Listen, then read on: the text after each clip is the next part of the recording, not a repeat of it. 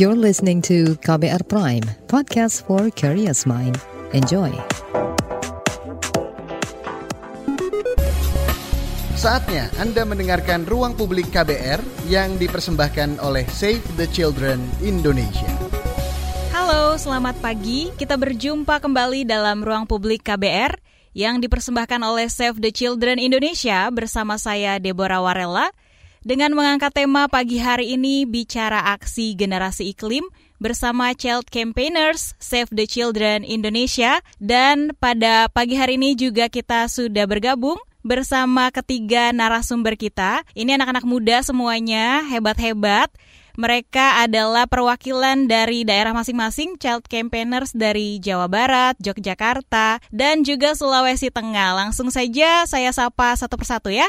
Yang pertama ada Ranti. Halo Ranti. Halo Kak. Selamat pagi. Apa kabar Ranti? Ya, selamat pagi. Alhamdulillah kabar baik. Ya, terima kasih sudah bergabung. Kemudian saya mau sapa Kavi. Selamat pagi Kavi. Gimana kabarnya? Halo, selamat kak. Selamat pagi kak. Uh, Alhamdulillah kabar baik di sini. Kabar baik. Kavi ini dari Child Campaigner Yogyakarta ya. Kemudian yang Iya, terakhir betul. narasumber pagi ini ada kita sapa dulu Rizik dari Child Campaigner Sulawesi Tengah. Selamat pagi Rizik. Halo Kak, selamat pagi. Iya, gimana kabarnya Rizik di Sulawesi Tengah? Kabarnya juga Alhamdulillah nih, baik-baik aja. Ya, luar biasa semuanya pagi hari ini dalam keadaan baik ya. Baik. Krisis iklim mempengaruhi kesehatan dan kesejahteraan anak dalam berbagai bentuk. Di bidang kesehatan, data Kementerian Kesehatan tentang data dan informasi dampak perubahan iklim di sektor kesehatan tahun 2021 menjelaskan bahwa penyakit yang berkaitan dengan salah satunya perubahan iklim yaitu diare, pneumonia, infeksi saluran pernafasan akut atau ISPA, serta beberapa masalah gizi seperti stunting dan underweight. Kemampuan anak dan keluarga untuk beradaptasi dengan dampak krisis iklim juga terbatas. Salah satu alasannya karena pengetahuan, serta minimnya informasi dan pendampingan dari berbagai pihak. Untuk itu, penting memprioritaskan peningkatan kapasitas adaptasi anak dan keluarga, serta memenuhi kebutuhan paling utama pada keluarga yang paling terdampak. Save the Children Indonesia merupakan bagian dari gerakan global Save the Children Internasional yang bekerja memperjuangkan hak-hak anak di lebih dari 120 negara di dunia. Save the Children Indonesia mendorong pentingnya pemenuhan hak-hak anak yang berfokus pada membangun ketahanan atau resiliensi anak dan keluarga, terutama mereka yang paling terdampak situasi buruk krisis iklim. Lalu seperti apa aksi generasi iklim bersama Child Campaigner Save the Children Indonesia dalam memperjuangkan hak-hak anak Indonesia? Pagi hari ini kita akan perbincangkan lebih dalam lagi soal ini di ruang publik KBR dan langsung saja ya dari ketiga narasumber ini kita sapa kembali Ranti, Kavi dan Rizik. Apa sih sebenarnya Child Campaigners itu? Silakan. Ke Rizik dulu kali ya. Silakan Rizik. Sebelumnya terima kasih atas kesempatan yang sudah diberikan. Mungkin saya sapa teman-teman di rumah dulu ya. Halo semuanya, halo teman-teman yang di rumah yang mungkin sedang mendengarkan pada pagi hari ini. Jadi nama saya Rizik dan di sini saya ingin menjelaskan ke teman-teman semua tentang apa sih itu child campaigners. Jadi, Child Campaigner ini merupakan sebuah komunitas ataupun model campaign yang dibentuk oleh Save the Children pada tahun 2021, di mana dengan tujuan agar anak-anak bisa memimpin kampanyenya sendiri, dan juga bagaimana anak-anak mendapatkan ruang yang aman, mendapatkan ruang yang nyaman untuk melakukan kampanye, atau bahkan merespon atau mengidentifikasi eh, isu-isu yang terjadi nih di sekitar mereka. Dan juga kami di Child Campaigner juga uh, membangun uh, kerjasama, berkolaborasi dengan komunitas-komunitas lain, bahkan sampai dengan forum anak untuk menciptakan sesuatu yang positif yang berdampak baik bagi anak-anak dan juga masyarakat. Terakhir, kami juga menciptakan wadah uh, untuk wadah eksklusif untuk uh, membangun bagaimana anak-anak bersuara, bagaimana anak-anak mendapatkan ruang juga untuk berpartisipasi atau bahkan mengadvokasi. Baik, Rizik. Berarti Child Campaigners ini fokusnya untuk anak-anak, melibatkan anak-anak seperti itu ya. Kira-kira gimana sih cara bergabungnya untuk menjadi bagian dari Child Campaigners ini? Seperti apa nah, tahapan-tahapannya gitu? Oke, jadi uh, mungkin teman-teman di ini yang ada di rumah yang sedang mendengarkan yang memang uh, ikut bergabung nih di dalam Child Campaigners. Nah, uh, jadi awalnya Child Campaigners ini berada di tiga provinsi nih kak yang pertama di Provinsi Sulawesi Tengah, ada di Jawa Barat, dan juga di Yogyakarta. Namun pada tahun ini juga kabar baik nih untuk teman-teman yang ada di dua provinsi, karena dibentuk juga di Provinsi Sulawesi Selatan dan juga Provinsi DKI Jakarta. Nah, kadang juga eh, biasanya tiap tahun kami dari Chat Campaigners membuka open recruitment karena tentunya membutuhkan regenerasi dari anak-anak lainnya. Uh, jadi untuk teman-teman semua yang berada di lima provinsi tadi yang masuk pada usia anak dan anak muda uh, yang ingin tertarik untuk uh, terhadap isu-isu lingkungan nih. Jadi teman-teman bisa langsung saja kepoin atau cek Instagram Child Campaigner sendiri. Ada Child Campaigners underscore Sulteng, Jogja, Jabar, Sulteng, dan ada Child Campaigners underscore Jakarta. Jadi teman-teman tinggal tungguin aja nih info terbarunya info terbarunya mengenai tentang open recruitment. Teman-teman juga nanti bisa tanyain nih di DM, Kak, kapan sih buka open recruitment? Nanti kalau sudah kalau sudah ada informasi, baru nih teman-teman boleh gabung di Child Campaigners provinsinya masing-masing. Baik, jadi sekarang sudah ada 3 plus 2 ya untuk iya. perwakilan dari Child Campaigners ini. Oke, sekarang aku ke Ranti dulu deh. Kalau Ranti nih, apa yang sudah dan sedang dikampanyekan oleh Child Campaigner? Halo Ranti. Halo Kak. Ya. Oke, okay, sepertinya ada sedikit gangguan sinyal ya pada Ranti. Kita beralih dulu ke Kavi, boleh? Oke, okay, halo Kak. Iya, ke Kavi dulu ya sebelum ke Ranti. Sebenarnya apa sih kampanye aksi generasi iklim itu boleh dijelaskan? Oke, okay, tadi udah dijelaskan ya uh, di oleh Rizik juga tentang sedikit tentang aksi uh, kampanye aksi generasi iklim. Dan kampanye aksi generasi iklim ini um, merupakan kampanye yang dipimpin oleh anak dan untuk anak pastinya. Dan um, child campaigner atau juru kampanye anak merupakan penggerak dari aksi generasi iklim yang merupakan bagian dari sains dan uh, aksi generasi iklim ini sudah dimulai beberapa bulan yang lalu dengan tujuan menciptakan keadilan iklim yang berkelanjutan dan berpihak pada anak. Dan aksi generasi iklim ini bergerak di lima provinsi kak dan pastinya itu ada di Jakarta, Jawa Barat, Yogyakarta, Sulawesi Tengah, dan Sulawesi Selatan. Yang pastinya dipimpin oleh anak dan aksi ini pastinya akan terus berkembang dan berkelanjutan selama kurang lebih uh, tiga tahun ke depan, gitu kak. Baik, terima kasih Kavi. Dan Ranti sudah bisa terhubung dengan Ranti? Halo Ranti. Iya, halo. Baik. Baik, melanjutkan dari jawaban Kavi tadi bahwa uh, aksi generasi iklim ini melakukan kampanye juga ya. Lalu apalagi yang sudah atau sedang dikampanyekan oleh Child Campaigner ini? Silakan Ranti. Iya, jadi sebelum ke aksi generasi iklim pada awal tahun 2021, awal pandemi, kita mengangkat isunya child Save or Education gitu untuk membahas pendidikan gitu. Karena kami merasa pada saat itu isu pendidikan ini lagi genting gitu ya di mana kondisi anak-anak lagi eh, belajar online tanpa persiapan guru-guru pun gak ada yang siap gitu ya bingung menghadapi anak-anaknya gitu. Dan sampai akhirnya kami mencoba uh, audiensi bersama pemerintah uh, pemerintah pendidikan menteri pendidikan uh, untuk membahas apa anak-anak ini bingung nih gitu. Belajar online tantangan-tantangan yang dihadapinya. Dan sampai akhirnya uh, kementerian memutuskan untuk oke okay deh awal tahun kalau sekolahnya udah siap guru-guru muridnya juga udah divaksin dengan protokol yang ketat eh, anak-anak boleh ke sekolah dengan uh, jumlah yang terbatas gitu ya pada waktu itu. Dan nggak sampai di situ akhirnya pada uh, memperingati Hari Anak Internasional, kami melakukan kunjungan ke rumah uh, anak-anak disabilitas gitu. Karena mereka tidak bisa dikumpulkan secara langsung gitu, akhirnya kami memutus bola istilahnya.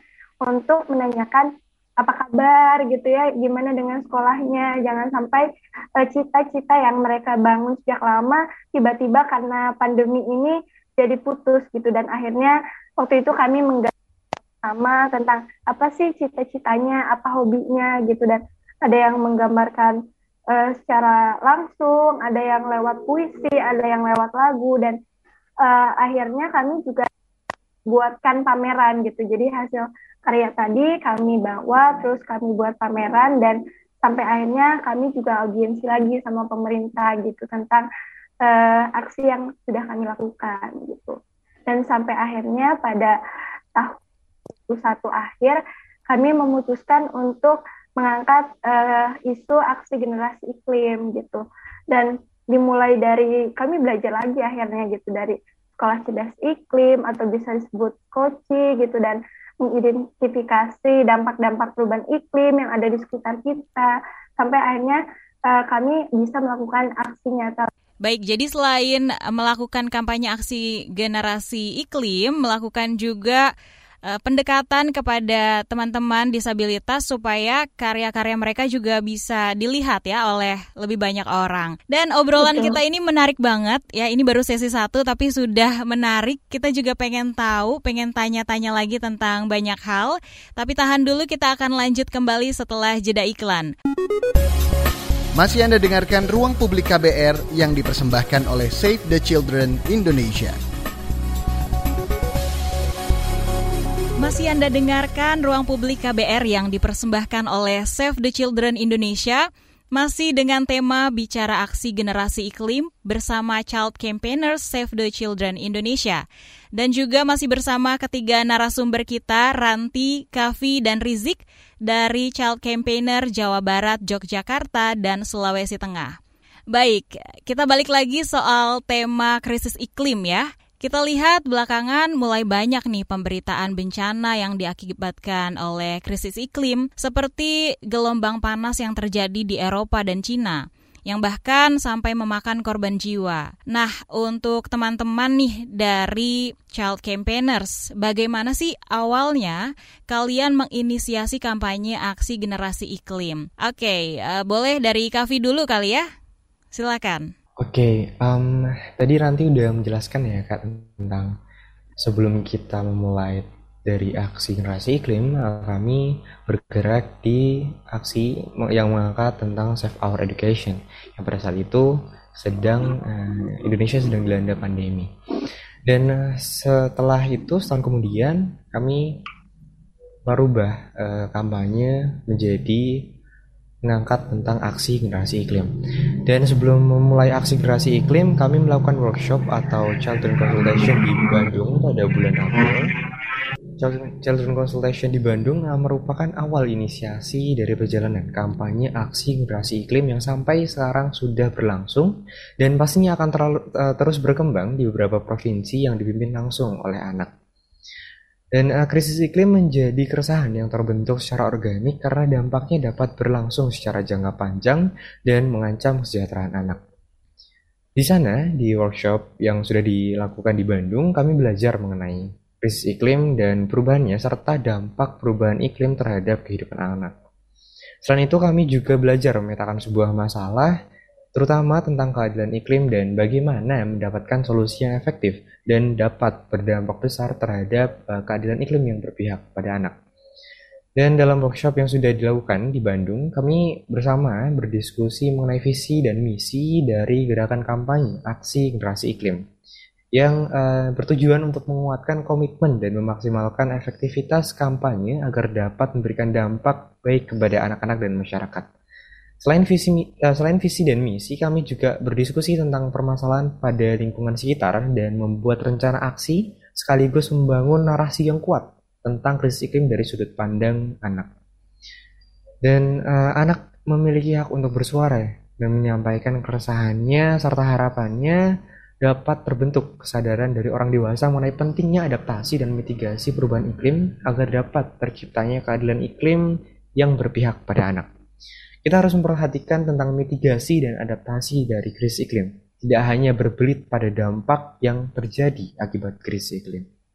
Baik, untuk Kavi tadi sudah menjelaskan juga ya bahwa iklim yang baik itu intinya hak untuk anak-anak di generasi kemudian ya. Menurut kalian sendiri nih seberapa penting sih kampanye ini ya dijalankan oleh anak-anak juga anak muda dan juga kenapa? Kita ke Ranti. Halo Ranti. Silakan. Ya, tentunya ketika ditanya seberapa penting, tentunya penting sekali karena uh, bagaimanapun kita adalah generasi penerus bangsa gitu, anak dan anak muda harus mulai dilibatkan dari sekarang gitu dan uh, kami juga selaku anak dan remaja uh, tidak hanya ingin dilihat sebagai penerima manfaat program pengurangan risiko bencana, tetapi juga sebagai seorang yang dapat berkontribusi langsung uh, mengurangi dampak dari perubahan iklim ini. Baik, itu dari Ranti. Kalau dari Rizik gimana komentarnya nih? Pendapatnya seberapa penting kampanye ini dilakukan oleh anak-anak dan anak muda? Juga kenapa? Uh, sangat penting ya kak, karena bisa dibilang anak muda lah atau anak-anak yang uh, mungkin tahu tentang bagaimana cara mengatasi dari dampak krisis iklim ini dan juga bisa dibilang anak-anak dan orang muda masih akan memiliki pengalaman yang panjang, kesempatan yang besar untuk bisa memperbaiki dari dampak krisis iklim ini. Bagaimana kami sebagai anak dan orang muda saling mengajak berkolaborasi dengan uh, anak-anak lainnya, komunitas-komunitas lainnya untuk uh, bisa uh, saling mengatur dalam menyelesaikan sebuah masalah yang dapat mengurangi dari dampak uh, perubahan iklim ini. Dan juga uh, anak-anak kan sebagai pelopor dan pelapor ya kak. Dan juga uh, anak-anak juga bisa dibilang sangat aktif nih di media sosial. Bagaimana anak-anak dan orang muda memiliki kemudahan dalam mendapatkan maupun menyampaikan informasi melalui media sosial sehingga bisa dibilang inilah kenapa saat-saat yang penting uh, untuk anak-anak agar bisa berkampanye melakukan sebuah aksi melalui media sosial juga yang memang akan terdampak bagi anak-anak dan orang muda ke depannya. Kalau kita lihat kan ya, masa-masa sekarang ini iklim tuh semakin tidak bisa diprediksi ya. Krisis iklim terjadi. Menurut teman-teman, apa pengaruhnya krisis iklim ini kepada Indonesia? Kita ke Kavi ya, boleh? Kavi silahkan. Oke, terima kasih Kak. Dan kalau dilihat di Indonesia ini krisis iklim sangat sudah sangat sering kita jumpai ya di media-media masa yang sudah menjelaskan tentang uh, dampak-dampak dari krisis iklim dan di mana saja bencana-bencana alam yang terjadi karena krisis iklim. Dan uh, dilihat secara general krisis iklim sangat berdampak besar. Salah satunya contoh ada di uh, Yogyakarta karena saya sendiri berasal dari Yogyakarta dan pada tahun 2017 di Yogyakarta sempat diterjang cuaca ekstrim yang diakibatkan oleh siklon tropis Cempaka. Cuaca ekstrim, uh, cuaca ekstrim yang di, mengakibatkan angin kencang, banjir hingga tanah longsor ini menimbulkan kerusakan yang cukup parah. Di Yogyakarta sendiri memiliki lima kabupaten kota, di antaranya beberapa kabupaten kota. Um, hampir seluruh dari kabupaten kota tersebut terkena dampak dari uh, siklon tropis uh, Cempaka ini. Dan salah satu kabupaten terdampak yang cukup besar yaitu di Kabupaten Bantul yang terdampak tanah longsor bahkan hingga uh, menimbulkan korban jiwa. Dan bencana ini banyak sekali mengakibatkan kerusakan baik rumah warga maupun fasilitas publik seperti sekolah. Tidak hanya itu, bencana ini juga mengakibatkan beberapa warga luka-luka bahkan hingga meninggal dunia. Dan untuk siklon tropis Maka ini tidak hanya terjadi pada tahun 2017. Beberapa bulan yang lalu di salah satu kabupaten di Yogyakarta sempat terjadi um, angin kencang disertai hujan. Dan hujan bukan hujan air lagi kak tapi di situ ada hujan es. Nah uh, apa yang disebabkan dari apa apa sih dampak yang disebabkan dari uh, bencana alam tersebut di salah satu kabupaten di Yogyakarta yaitu Kabupaten Sleman di alun-alun Kabupaten Sleman terjadi hujan yang sangat kencang dan disertai angin yang mengakibatkan rusaknya pohon hingga tumbangnya pohon kak. Hingga di sana banyak sekali pohon tumbang. Bahkan pada saat itu ada uh, semacam pasar malam seperti itu dan di sana kondisinya porak-poranda tersapu oleh angin dan hujan dan dulu di tahun 2017 waktu kami masih SMP waktu itu sempat sedang berkegiatan pramuka di sekolah dan tiba-tiba uh, cuacanya menjadi gelap dan hujan disertai angin kencang bahkan hingga mengakibatkan uh, pohon di sekolah itu hampir tumbang kak seperti itu dan hmm. di apa namanya di salah satu bangunan sekolah ada beberapa genteng yang sampai tersapu oleh angin yang akhirnya menyebabkan terganggunya kegiatan belajar mengajar di sekolah. Baik, ya memang perubahan iklim ini tidak bisa diduga ya. Seperti beberapa waktu lalu juga terjadi hujan es di daerah Bekasi kalau tidak salah. E, lanjut lagi kita ke Ranti, masih dengan pertanyaan yang sama ya. Krisis iklim yang belakangan terjadi ini pengaruhnya buat Indonesia. Kalau pendapat Ranti gimana nih? Iya, sama seperti yang Afi uh, ceritakan tadi gitu ya. Uh, sudah mulai terjadi perubahan cuaca gitu dan Ranti pun di sini di Bandung merasakan itu gitu dan pasti uh, teman-teman yang mendengarkan ini tahu lah Bandung itu dikenal dengan cuacanya yang dingin, banyak pepohonan, banyak pegunungan. Tapi sekarang ini ketika misalnya udah jam 12, wah suhunya udah panas, udah sampai bisa 30 derajat gitu dan biasanya misalnya air yang dingin itu jadi air anget kalau di siang hari dan Begitupun sebaliknya gitu ketika malam bisa sampai dingin banget sampai 16 17 derajat gitu. Tapi pun kalau tidur sampai kadang dua selimut dipakai sekaligus gitu dan ketika hujan juga langsung jadi banjir sekarang gitu. Dan uh, apa ya? Sekarang itu kalau orang lihat masih ada orang-orang yang suka buang sampah sembarangan gitu ya di trotoar atau di sungai dan akhirnya karena uh, sungainya tadi eh, nggak uh, bagus gitu sekarang tuh jadi langsung banjir hujan sedikit udah banjir dan sayangnya masih ada beberapa orang yang berpikiran nggak apa-apa lah ini kan banjirnya nggak setiap hari ini kan banjirnya cuman selutut cuman ya sepinggang gitu ya nggak sampai menenggelamkan rumah gitu. Dan akhirnya kalau ini terus di apa ya pemikiran ini terus di uh, terus dianggap benar oleh anak-anak generasi sekarang pastinya akan uh, tambah buruk gitu. Bahkan anak-anak yang lahir di tahun 2020 ini terancam mengalami dampak uh, dari perubahan iklim krisis iklim ini uh, lebih parah gitu misalnya 1,1 kali lebih banyak mengalami kebakaran hutan, 1,9 kali lebih banyak mengalami kekeringan, 3,3 kali lebih banyak mengalami banjir sungai dan 3,2 kali uh, lebih banyak mengalami gagal panen. Dan dari semua ini berarti juga jadi sadar oh sekarang ternyata perubahan iklim ini sudah ekstrim, sudah saatnya kita bersama-sama melakukan perubahan dan sudah bukan perubahan iklim tapi sudah menjadi krisis iklim yang harus segera ditangani bersama-sama. Baik, itu tadi dari wilayah Jawa ya untuk perubahan perubahan perubahan iklim yang terjadi. Sekarang kita ke Rizik nih. Rizik kan dari wilayah Sulawesi ya, Sulawesi Tengah. Kalau dari Rizik sendiri yang Rizik rasakan di wilayah sana pengaruhnya bagaimana sih melihat krisis iklim yang terjadi belakangan ini? Silahkan. Sebelumnya eh, mungkin ceritanya juga sama seperti teman-teman yang lainnya Uh, jadi memang negara Indonesia sendiri termasuk dalam negara yang mendapatkan pengaruh yang besar terhadap krisis iklim ini. Semisal juga nih yang terjadi di daerah Rizik belum lama juga di akhir Juli kemarin uh, terjadinya banjir bandang di Desa Torwe, Kabupaten Parigi Mautong, di mana juga mengakibatkan kerusakan terhadap rumah warga, uh, sekolah dan uh, dan bangunan-bangunan lainnya dan juga uh, terdapatnya korban korban jiwa sehingga ini uh, merupakan suatu dampak nyata terhadap kita semua bahwa krisis iklim ini ada loh di tengah-tengah kita dan juga uh, bagaimana uh, di daerah Rizik juga terjadinya sering terjadi bencana banjirop, abrasi pantai yang dapat mengikis jalan utama sehingga ini juga mengakibatkan bagaimana susahnya anak-anak uh, untuk pergi ke sekolah karena kurangnya akses jalan yang disebabkan oleh banjirop ini. Seperti itu, Kak. Jadi uh, bisa dibilang mari kita bersama-sama semua untuk memikirkan tentang ke depannya perubahan apa sih yang bisa kita lakukan.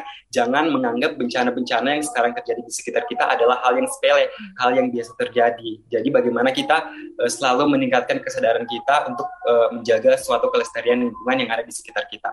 Oke baik, wah semakin seru ya obrolan pada pagi hari ini bersama anak-anak muda yang hebat. Ada Kavi, Ranti, dan juga Rizik. Tapi kita harus jeda iklan terlebih dahulu. Ruang publik KBR akan kami lanjutkan setelah jeda. Masih Anda dengarkan Ruang Publik KBR yang dipersembahkan oleh Save the Children Indonesia. Masih Anda dengarkan Ruang Publik KBR yang dipersembahkan oleh Save the Children Indonesia, masih dengan tema bicara aksi generasi iklim bersama Child Campaigners Save the Children Indonesia. Tentu masih bersama ketiga narasumber kita ada Ranti, Kavi, dan juga Rizik child campaigner dari Jawa Barat, Yogyakarta, dan juga Sulawesi Tengah.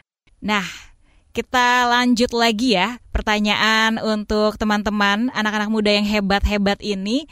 Kalau aksi, aksinya itu sendiri apa saja yang sudah child campaigners lakukan dalam kampanye aksi generasi iklim ini? Silakan. Siapa yang mau menjawab duluan? Kavi, boleh? Silakan, Kavi. Oke, oke terima kasih kak. Um, untuk aksinya sendiri di Child Camper Yogyakarta sudah melakukan beberapa aksi. Ada aksi lapangan dan juga uh, riset karena di Child Camper Yogyakarta ini uh, sangat dekat dengan riset ya kak. Jadi sebelum kami melakukan kegiatan di lapangan, pasti kami akan memulainya dengan riset apa sih yang uh, terjadi uh, apa sih yang sedang apa ya ibaratnya sedang happening gitu.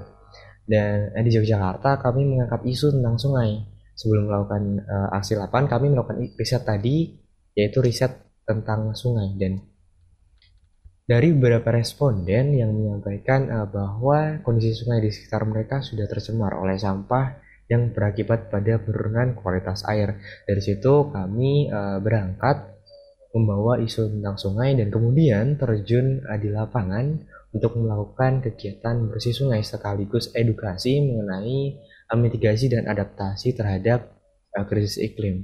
Dan harapannya setelah dilakukan aksi-aksi tersebut, masyarakat semakin uh, aware terhadap kondisi sungai yang semakin memburuk terutama di Yogyakarta. Dan di Yogyakarta sendiri memiliki beberapa sungai beberapa sungai besar. Dan uh, kemarin kami melakukan uh, aksi di Sungai Code salah satu sungai yang uh, besar di Yogyakarta. Yang eh, sungai tersebut juga menjadi sumber mata air bagi uh, warga-warga di sekitar bantaran sungai. Namun uh, sayangnya sungai tersebut sudah uh, tercemar dan berakibat buruk bagi kesehatan warga-warga yang berada di bantaran sungai, terutama kesehatan bagi anak-anak. Jadi untuk Kavi ini di Yogyakarta kan sudah ada aksi bersih sungai ya. Kenapa diangkat aksi bersih sungai ini? Karena dari sungai itu ada sumber mata air ya untuk warga-warga di sekelilingnya. Seperti itu ya, Kavi ya? Iya, Kak. Oke, kita lanjut nih. Kita beralih ke Rizik ya. Kalau Rizik, aksi apa yang sudah dilakukan dalam kampanye aksi generasi iklim ini? Silakan. Nah, kalau dari kami, Kak, Child Campaigners Sulawesi Tengah sendiri itu sudah melakukan beberapa aksi, uh, aksi yang di, berada di lapangan maupun di riset juga. Uh, jadi, uh, salah satu aksi yang kami lakukan itu aksi bersih pantai dan penanaman serta pemagaran pohon bakau. Jadi, uh, di mana dalam aksi tersebut kami juga uh, melibatkan beberapa anak-anak, komunitas dari anak-anak yang di mana pada kegiatan itu mereka sangat antusias nih untuk uh, membersihkan pantai yang ada di sekitar mereka. Uh, bahkan dalam hanya waktu 15 menit saja anak-anak di sana sudah mengumpulkan uh, 11 kantong plastik sampah sehingga ini uh, bisa disayangkan untuk kita semua karena memang uh, kesadaran masyarakat ini sangat dibutuhkan akan menjaga kelestarian lingkungan dan juga uh, di sana kami melakukan penanaman dan pemagaran pohon bakau karena bisa dibilang di daerah yang kami lakukan aksi ini merupakan daerah yang sering terjadi banjirop atau abrasi pantai sehingga mungkin dengan penanaman pohon di daerah tersebut dapat mengurangi risiko uh, dari terjadinya banjirop ini. Serta uh, di kegiatan itu kami juga mm, melakukan diskusi dengan anak-anak terkait uh, apa sih yang mereka rasakan dari dampak perubahan iklim ini atau juga apa harapan mereka yang mereka harapkan uh, kepada pemerintah, kepada masyarakat untuk menciptakan ataupun mengurangi dari dampak perubahan iklim ini. Oke, jadi dari teman-teman Child Campaigners Sulawesi Tengah itu melakukan kegiatan bersih pantai ya dan juga mengadakan penanaman tanaman bakau. Seperti itu. Nah, untuk tanaman bakaunya sendiri itu ada di beberapa titik atau hanya satu bagian saja untuk penanamannya Rizik? Kalau untuk penanaman bakau itu ada 10 titik, Kak.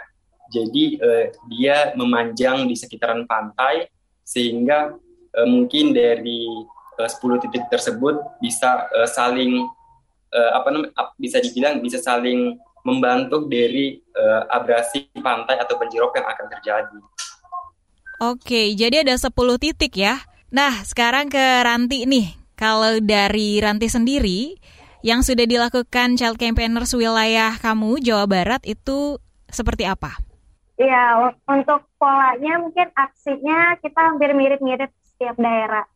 Tapi untuk mengawali aksi di Jawa Barat, uh, Child Campaign di Jawa Barat uh, pada peringatan Hari Air, waktu itu kami ingin uh, tahu dulu seberapa jauh teman-teman atau masyarakat di sekitar um, tahu tentang uh, perubahan iklim gitu. Apa sih uh, dampaknya gitu. Dan akhirnya kami uh, mengumpulkan anak-anak yang menurut kami terdampak dari perubahan iklim. Misalnya anak-anak petani atau anak-anak yang berada di pinggiran sungai atau anak-anak yang ada di uh, pinggiran uh, pemukiman banyak sampah gitu dan akhirnya uh, kami berkumpul di satu tempat uh, dan berdiskusi lah di sana gitu. Kira-kira uh, kamu udah tahu belum sih gitu perubahan iklim itu apa gitu, dampaknya apa dan waktu itu sayangnya masih banyak anak-anak yang belum tahu gitu. Oh uh, ternyata ada ya gitu perubahan iklim. Aku tahunya sekarang ini misalnya cuacanya berubah aja yang biasanya musim hujan sekarang musim kemarau gitu. Dan misalnya kalau dari kualitas air yang tadinya airnya bersih jernih sekarang udah agak-agak keruh gitu. Atau dipakai mandi juga sekarang suka jadi gatal-gatal kak gitu. Oh ternyata itu perubahan iklim ya gitu. Dan akhirnya setelah diskusi uh, berlangsung uh, kita audiensi lagi bersama pemerintah gitu Oke, jadi kalau untuk wilayah Jawa Barat ini berdasarkan informasi dari Ranti tadi mengangkat fokus isunya pada air ya, seperti itu ya. Dan juga mengedukasi bahwa e, perubahan cuaca tuh ada kaitannya ya dengan e, yang terjadi di sekitar kita. Oke, obrolan kali ini menarik banget, tapi tahan dulu. Kita akan lanjut kembali setelah jeda iklan. Masih Anda dengarkan Ruang Publik KBR yang dipersembahkan oleh Save the Children Indonesia. Inilah bagian akhir ruang publik KBR yang dipersembahkan oleh Save the Children Indonesia. Tema pagi ini bicara aksi generasi iklim bersama Child Campaigner Save the Children Indonesia. Serta dengan narasumber kita ada Ranti dari Child Campaigner Jawa Barat, Kavi dari Child Campaigner Yogyakarta, dan Rizik Child Campaigner perwakilan Sulawesi Tengah. Nah, kita balik lagi ngobrol-ngobrol sama anak-anak muda yang hebat ya di pagi hari ini. Kira-kira dari Kavi dulu ya, kita mulai. Apa aksi yang akan dilakukan oleh Child Campaigners ini ke depannya? Silakan. Um, baik, kalau untuk aksi di Yogyakarta sendiri, kemarin berdasarkan dari riset yang sudah dilakukan dan juga aksi bersih sungai kemarin, uh, Kementerian Yogyakarta akan terus memantau dan meninjau kembali tentang hasil dari kegiatan aksi bersih sungai. Dan selain itu ada beberapa kegiatan nih kak yang sudah uh, kami siapkan ke depannya dan pastinya masih rahasia nih. Dan oleh karena itu kalau uh, bagi para pendengar yang ingin mengetahui bagaimana kelanjutan dari kegiatan kami di Child Camera Yogyakarta, uh, dapat mengikuti kami di sosial media yaitu di Instagram di @childcamera underscore Yogyakarta. Oke, jadi belum boleh buka kisi-kisinya ya, masih rahasia. Kuncinya adalah follow Instagramnya Child Campaigners wilayah Yogyakarta tadi dari Kavi. Kita lanjut ke Rizik nih. Kalau dari Rizik, wilayah Sulawesi Tengah Child Campaignersnya akan melakukan aksi apa lagi ke depannya? Apakah akan diberi kisi-kisi juga seperti Kavi atau berbeda? Silakan. Ya, jadi sama sih Kak, eh, seperti Kavi nih masih kisi-kisi, tapi uh, secara garis besarnya kami dari Child Campaign Sulawesi Tengah sendiri uh, nanti juga akan melaksanakan aksi uh, bisa dibilang aksinya ini ada di bidang seni, ada di bidang seni nih kak. Jadi bagaimana nanti di situ kami memberikan di bidang seni tersebut kami memberikan edukasi nih kepada orang-orang mengenai tentang dampak uh, dari perubahan iklim ini dan juga nanti kami juga akan melakukan kegiatan bersama pemerintah, tapi tunggu aja nanti setelah uh, teman-teman uh, lihat nanti di Instagram Child underscore Sultan. Oke, ngomong-ngomong nih agak melenceng sedikit. Kalau misalnya untuk admin media sosial kalian itu, apakah kalian sendiri atau ada tim sendiri nih yang kelola? Uh, jadi kalau dari Child Campaigner sendiri itu juga terbagi atas beberapa bidang ataupun divisi. Nah, uh, untuk media sosialnya sendiri uh, dipegang oleh divisi media. Nanti teman-teman kalau ingin tahu lebih jelas mengenai Child Campaigner atau aksi apa yang ingin dilakukan, teman-teman bisa lihat cek Instagram kepoin Instagram dari Child Campaigner atau bahkan teman-teman uh, boleh DM DM nih dari uh, Child Campaigner sendiri menanyakan apa sih aksi yang akan dilakukan seperti itu. Oke, sip. Itu tadi info dari Rizik ya, Child Campaigners perwakilan Sulawesi Tengah. Nah, Ranti, Ranti juga, aku mau nanya nih, apakah ada aksi ke depannya dari Child Campaigner wilayah Jawa Barat? Iya, kalau di Jawa Barat kebetulan uh, bulan ini dan uh, persiapan melakukan aksi gitu ya. Aksinya karena uh, waktu kemarin di aksi yang pertama kami merasa, aduh ini isu anak ini juga penting, isu anak uh, kekurangan gizi juga penting, anak yang uh, rumahnya kena polusi juga penting gitu.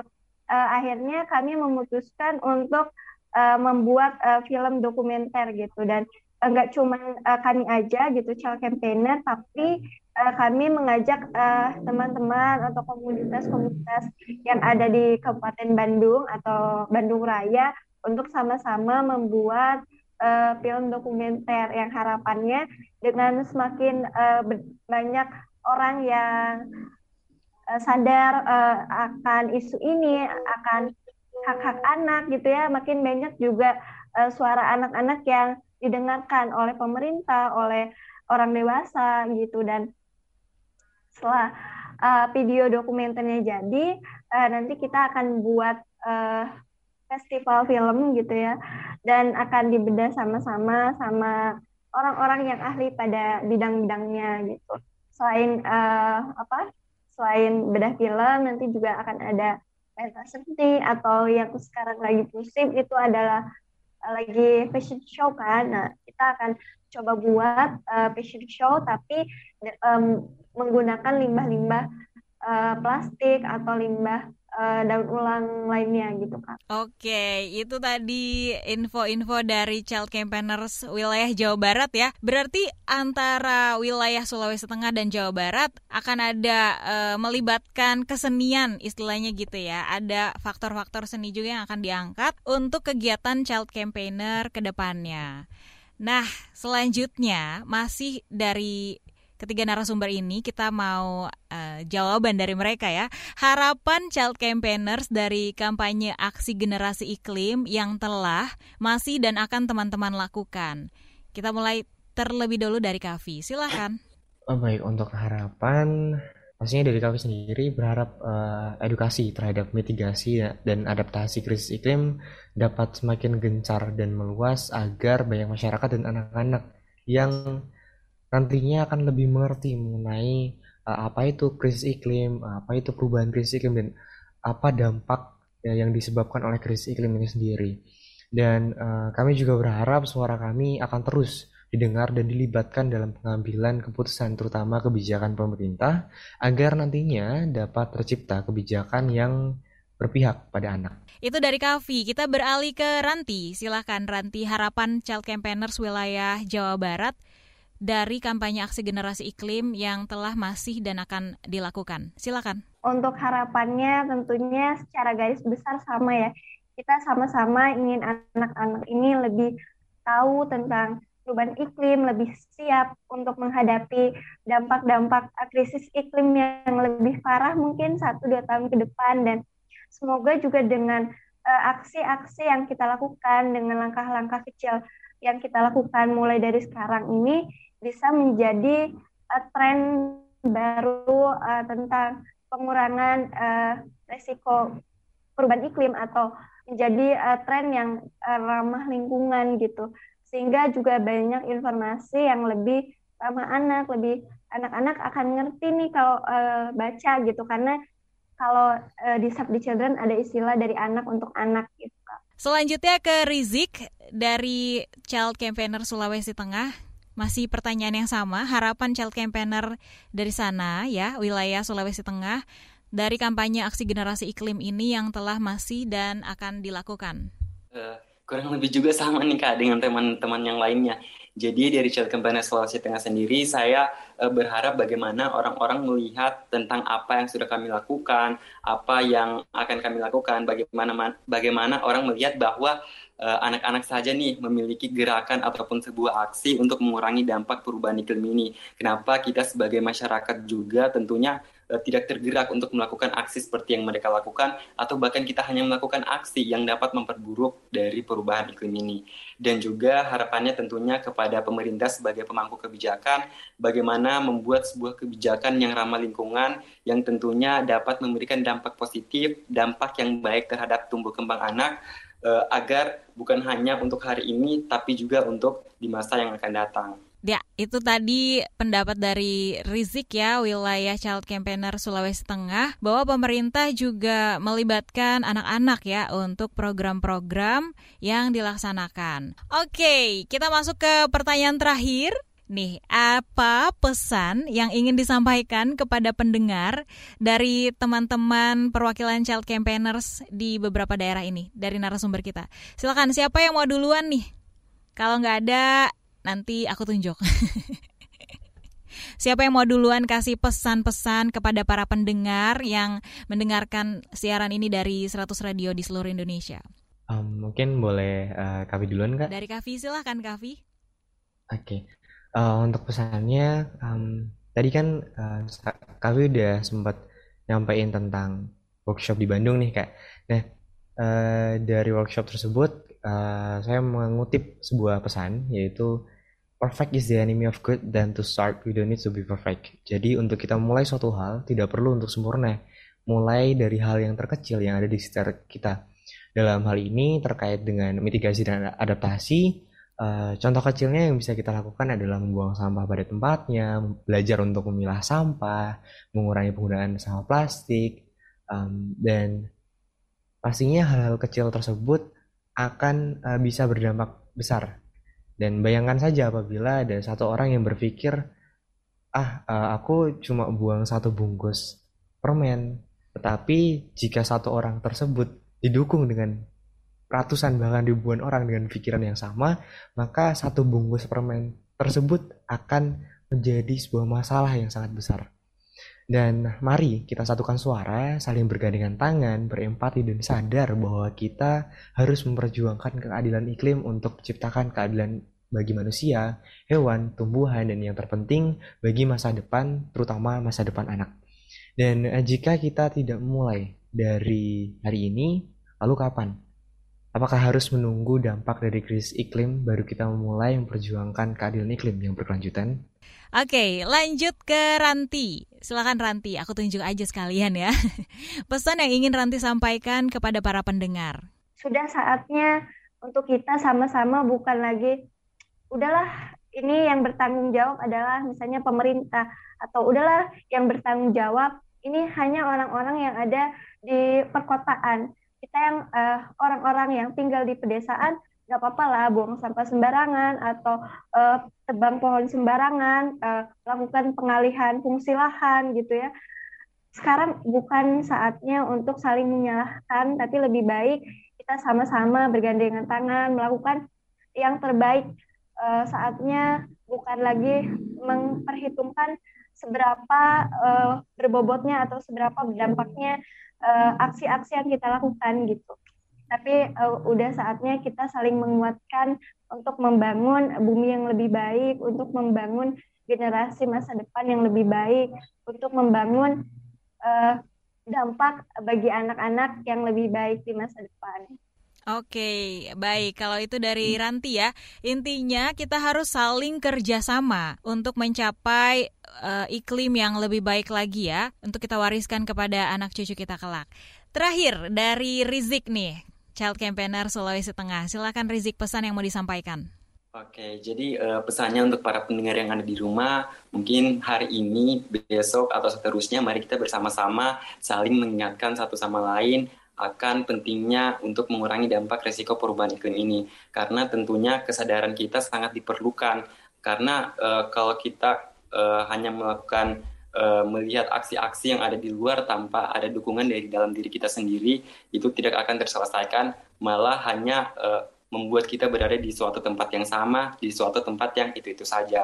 Jadi untuk teman-teman semua, mari kita uh, mencari sebuah wadah, mari kita mencari komunitas untuk uh, menjadi sebuah agent of change dalam melakukan perubahan ke uh, kepada bumi agar bumi kita menjadi lebih baik ke depannya, agar bumi kita menjadi bumi yang terawat. Jadi seperti itu dan juga kepada teman-teman uh, semua pendengar di rumah, kita mempunyai akses untuk menyebarkan, untuk menyampaikan informasi bahwa kita uh, sangat penting untuk menjaga bumi kita dari uh, bisa dibilang dari serangan-serangan tangan kita sendiri. Oke, okay, terima kasih obrolan kita pada pagi hari ini sangat menginspirasi khususnya untuk anak-anak dan anak-anak muda yang sedang mendengarkan dan juga bermanfaat tetapi karena waktu kita terbatas, kita akan akhiri ruang publik KBR kali ini yang dipersembahkan oleh Save the Children Indonesia. Terima kasih atas kebersamaan Anda. Terima kasih Kavi, Ranti dan juga Rizik. Saya Deborah Warela undur diri. Salam. Terima kasih Anda telah mendengarkan Ruang Publik KBR yang dipersembahkan oleh Save the Children Indonesia.